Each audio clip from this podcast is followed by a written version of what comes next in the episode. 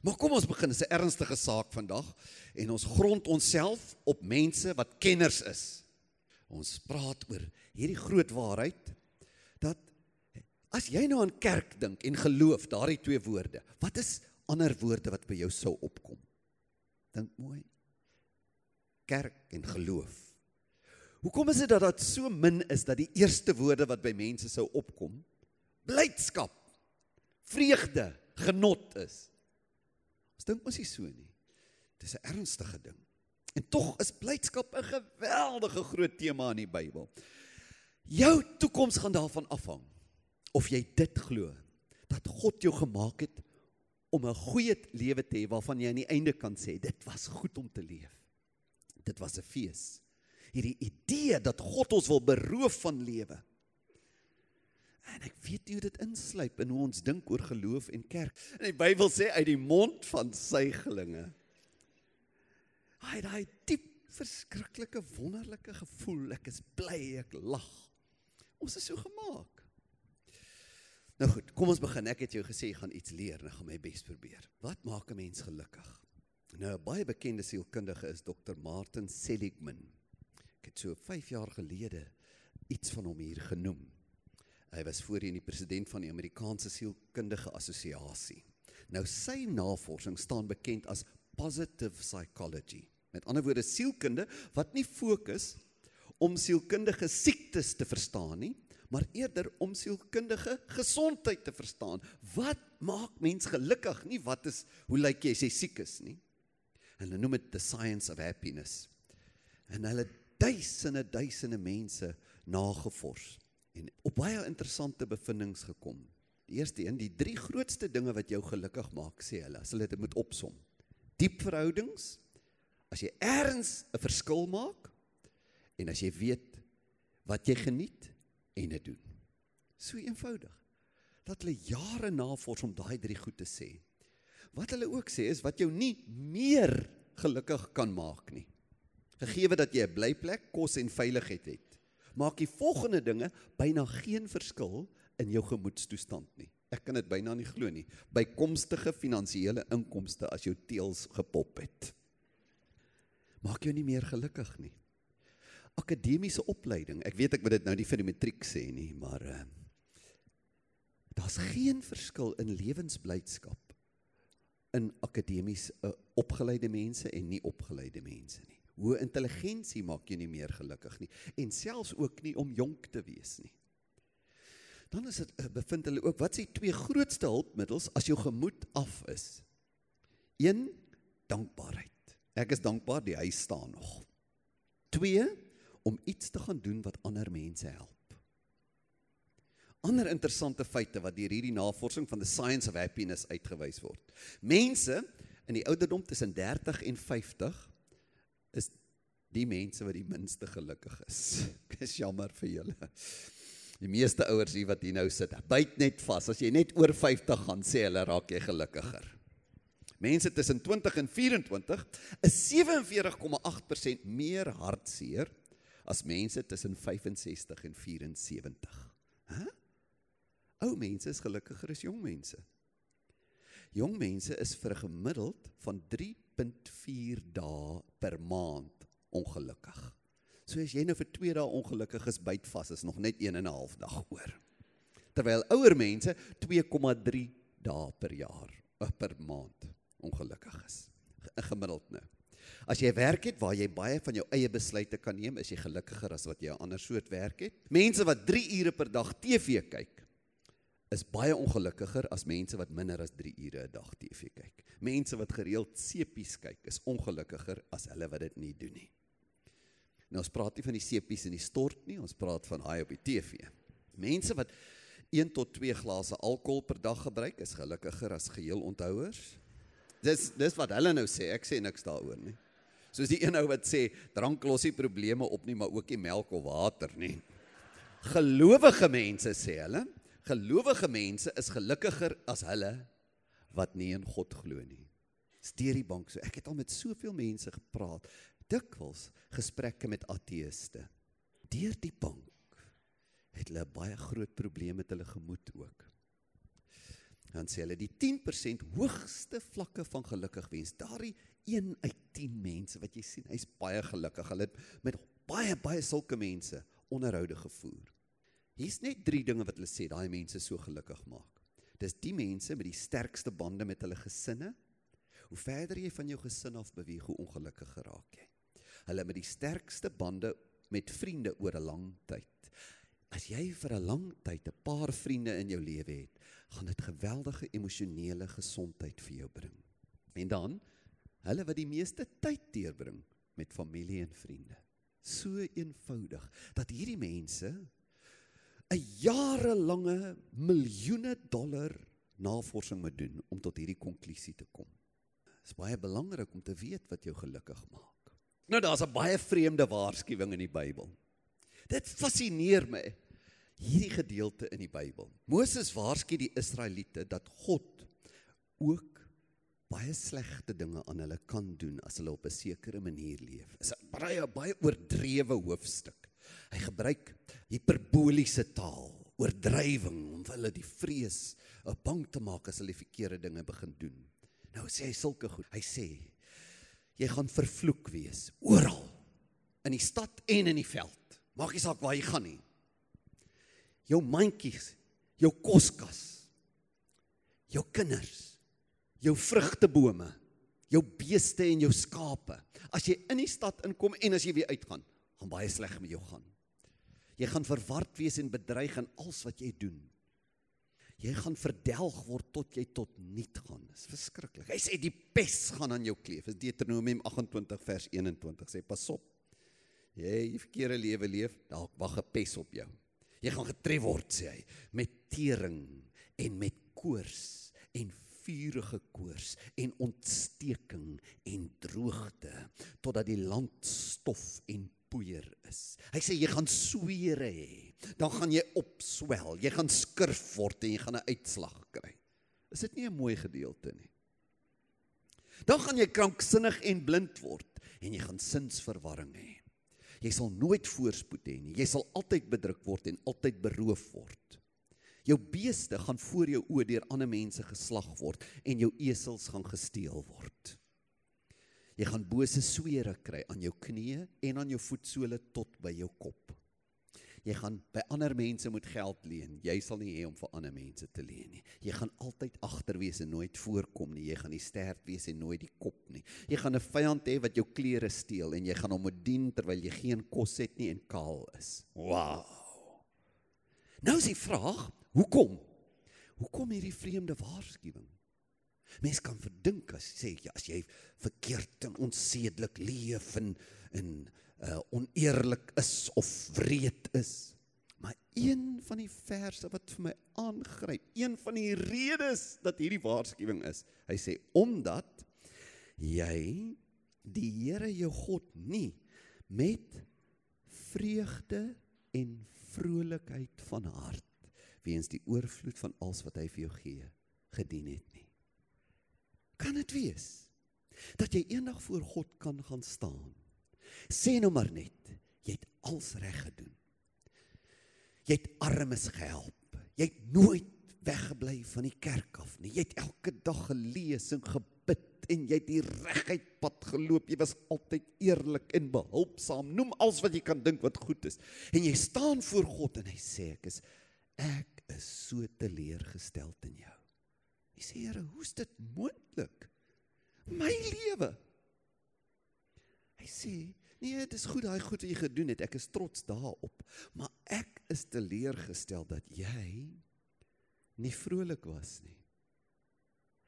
Jy het nie jou lewe geniet nie. Ek is teleurgestel in jou. Jy was nie 'n blymoedige mens nie. Het God sê ek is teleurgestel dat jy dit van my dink om my te dien, om in my te glo en om die regte lewe te lewe, is 'n lewe wat nie pret kan hê nie en nie vrolik kan wees nie. Omdat jy die Here jou God nie met vreugde en vrolikheid weens die oorvloed van alles gedien het nie. Dat God my verantwoordelik hou vir wat ek toelaat in my emosies. Dat God vir my sê dis jou verantwoordelikheid en as God jou vir iets verantwoordelik hou, gee hy jou ook die vermoë. Sê ek gee jou die vermoë.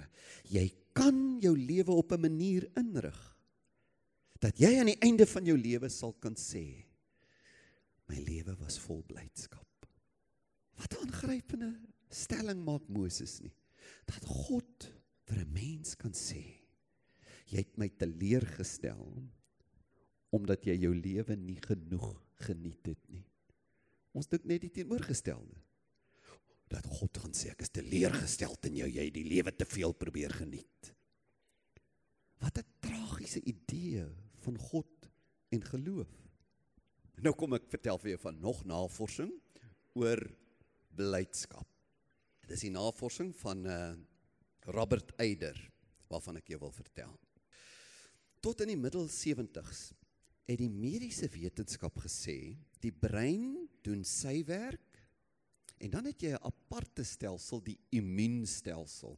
Daar's selle in jou bloed en uh, daardie immuunstelsel is weer heeltemal 'n aparte stelsel. Die een het nie met die ander te doen nie.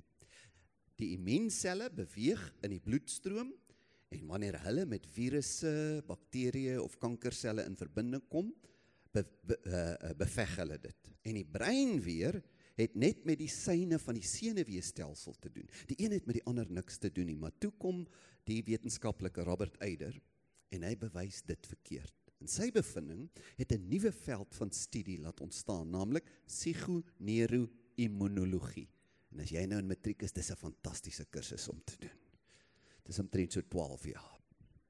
Nou dis die studie wat kyk na die onderlinge invloed van die funksionering van eerstens die brein, die siege, die intellek, dan die neuroendokriniese uh, endokrine stelsel wat nou al die hormone afskei en dan die immuunstelsel.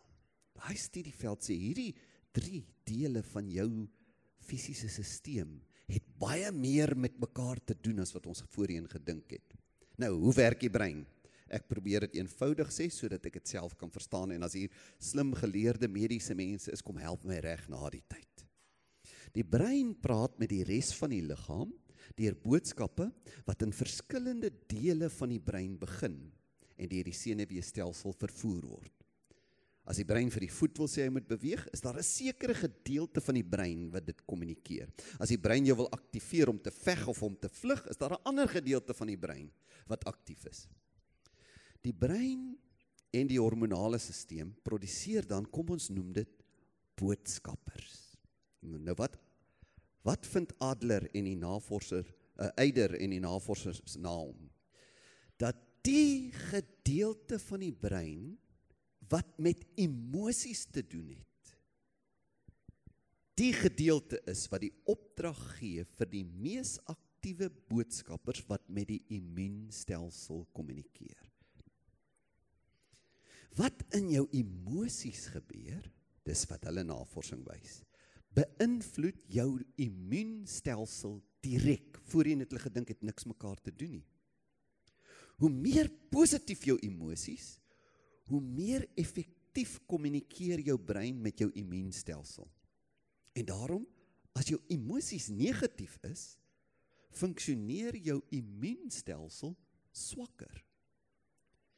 Jou senuwee eindpunte maak direk met immuunselle kontak. Voorheen het hulle dit nie geweet nie. So die brein is die beheerkamer van die immuunselle. En watter deel van die brein? Die emosionele brein. Hy stimuleer daardie selle. Hoofsaaklik vanuit sy emosionele deel. Hoe blymoediger jy is, hoe beter kommunikeer jou brein met jou immuunselle. Hoe minder blymoedig jy is, hoe moeiliker raak dit vir jou brein om jou immuunselle te kan stimuleer.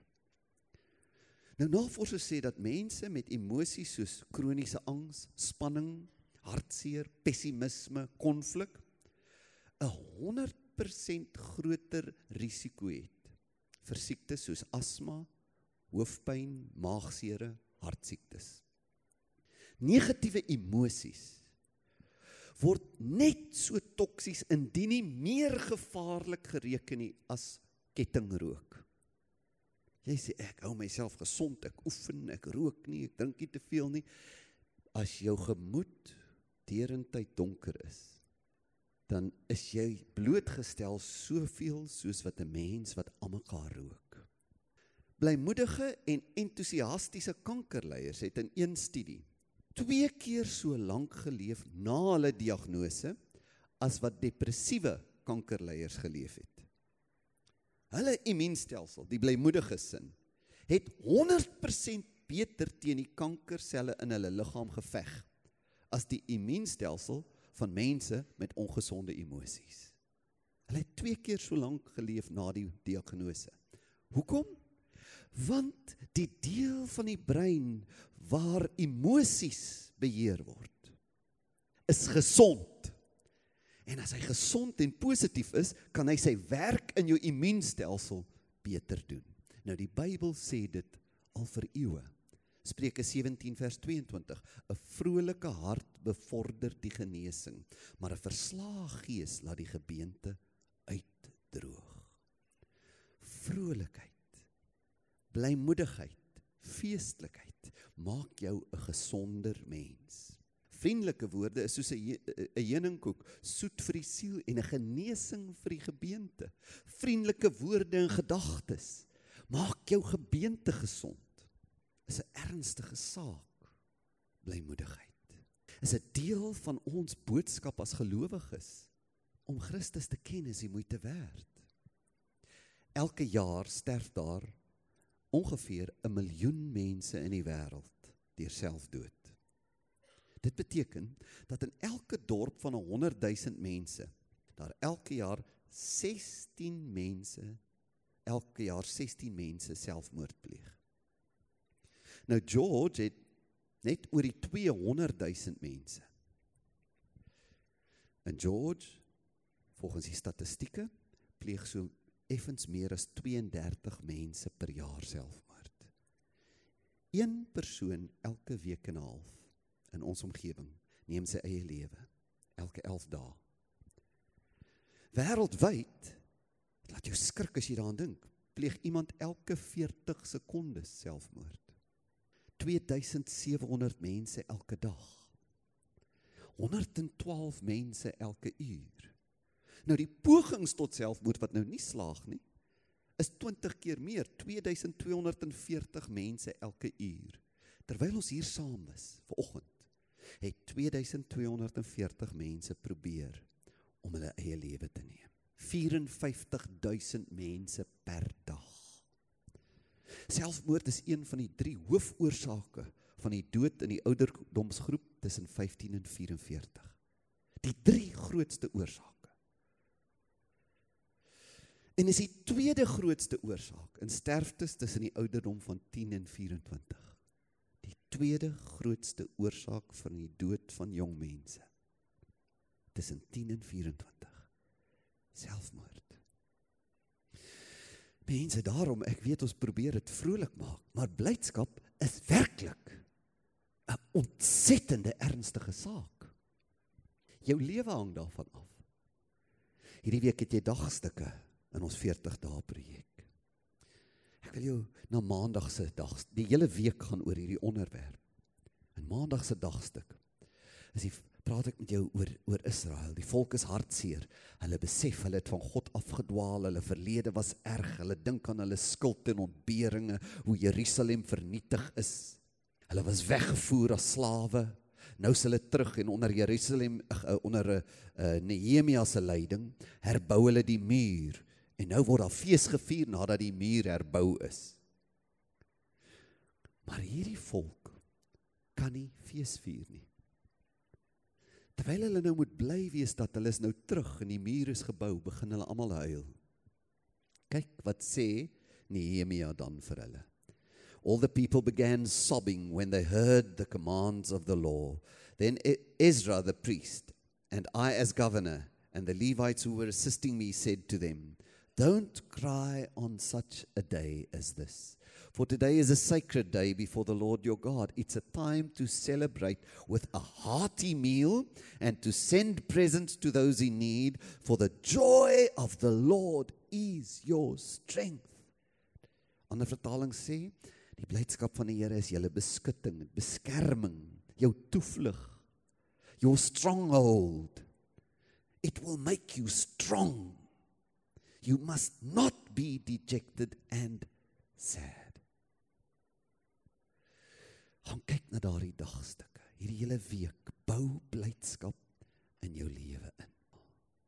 Om die vraag eerlik aan jouself te beantwoord. Is jy meestal 'n blymoedige, entoesiastiese mens? En die boodskap wat ek ver oggend vir jou het, is dat selfs al is jy nie, God kan jou help, jy kan dit aanleer.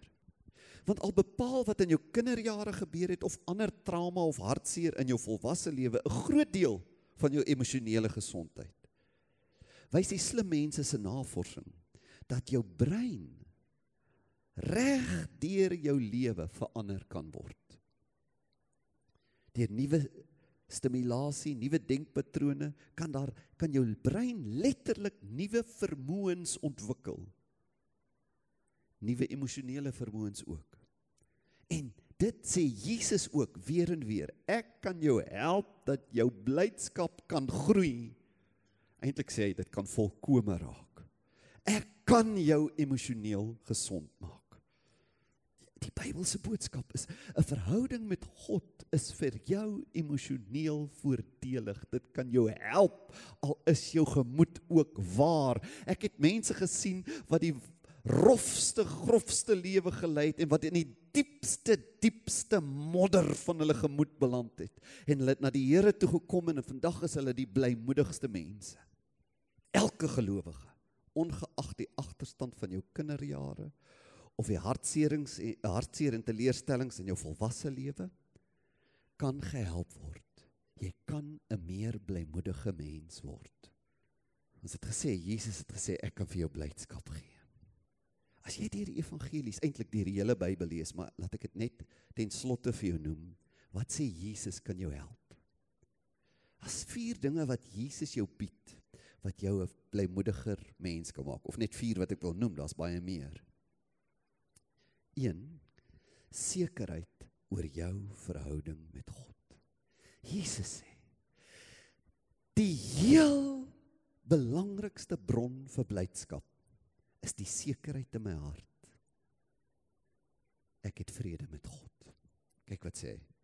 Sy disippels het 'n klomp suksesse gehad toe hulle met mense gaan werk het en dan sê hy, "Maar julle moenie daaroor bly wees dat selfs die geeste aan julle onderworpe is nie, hulle het duiwels uitgedryf en hulle het siekes gesond gemaak." Sê moenie daaroor bly wees nie. Sê maar wees bly dat julle name in die hemele opgeskryf is. Jesus maak dit die heel eerste vraag wat jy moet antwoord.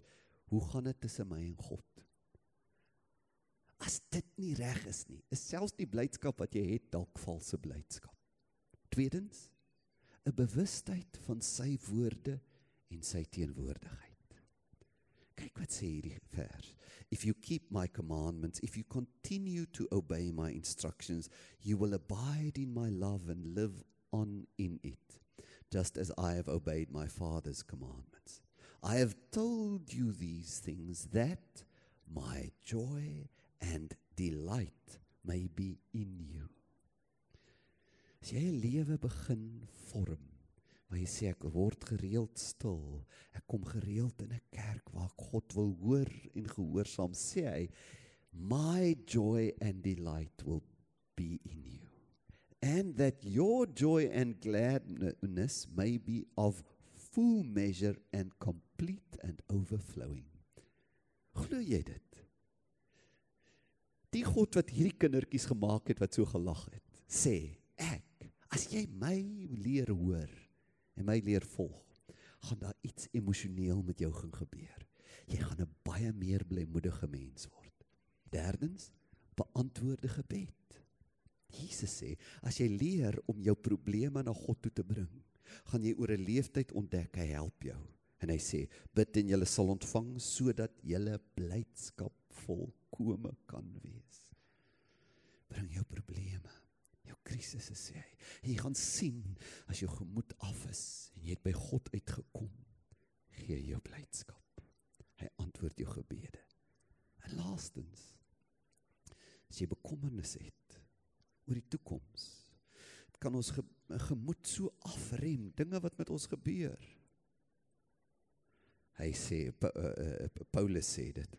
Hy sê, "Oh may the God of great hope fill you up with joy, fill you up with peace so that your believing lives filled with the life-giving energy of the Holy Spirit will brim over with hope."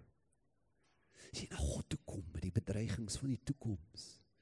Sê hy gaan God jou positief oor die toekoms maak en jy gaan blymoedig word selfs al het jy bekommernisse. Jy's gemaak om selfs deur die storms van die lewe jou na die Here toe te wend en te sê Here, hier's my gemoed. U sien hoe dit is. Tel my op. En kom ons neem nou 'n paar minute. Sê Here, ek is bekommerd na die feite wat ek gehoor het dalk. As blymoedigheid so belangrik is. Help my. Wat jy wil verseker. Maak nie saak of dit siekte is, finansiële bekommernis, teleurstelling, bekommernis oor jou kinders, jou eie gemoed, ander omstandighede, verhoudings. As jy na Jesus toe kom sê, you're going to be okay. Ek gaan jou help. Ek weet as ek aan U vashou, sal U my ook in my emosies help. Of dalk dink jy aan iemand anders wat deur 'n baie moeilike tyd gaan. Kom ons maak ons oë toe dan bid ek vir jou. Here, ons leef in 'n onstuimige tyd. Dinge in ons land is nie mooi nie. In die ekonomie gaan dit sleg. Hier sit mense met bekommernisse op vele gebiede. Finansiëel, gesondheid, kinders, huwelik, 'n verhouding. Hier sit mense wat ook sê ek weet nie eers hoekom ek nie blymoedig is nie. Ons kom nou na U toe, Here, met ons harte. U sê as jy na my toe kom, sal ek jou gebede beantwoord sodat jou blydskap volkome kan raak. Ons bring ons versoeke. Ons bring ons harte. Ons bring ons gemoed. Maak ons ligter. Maak ons mense met blydskap. Dankie dat U mense help. In Jesus naam.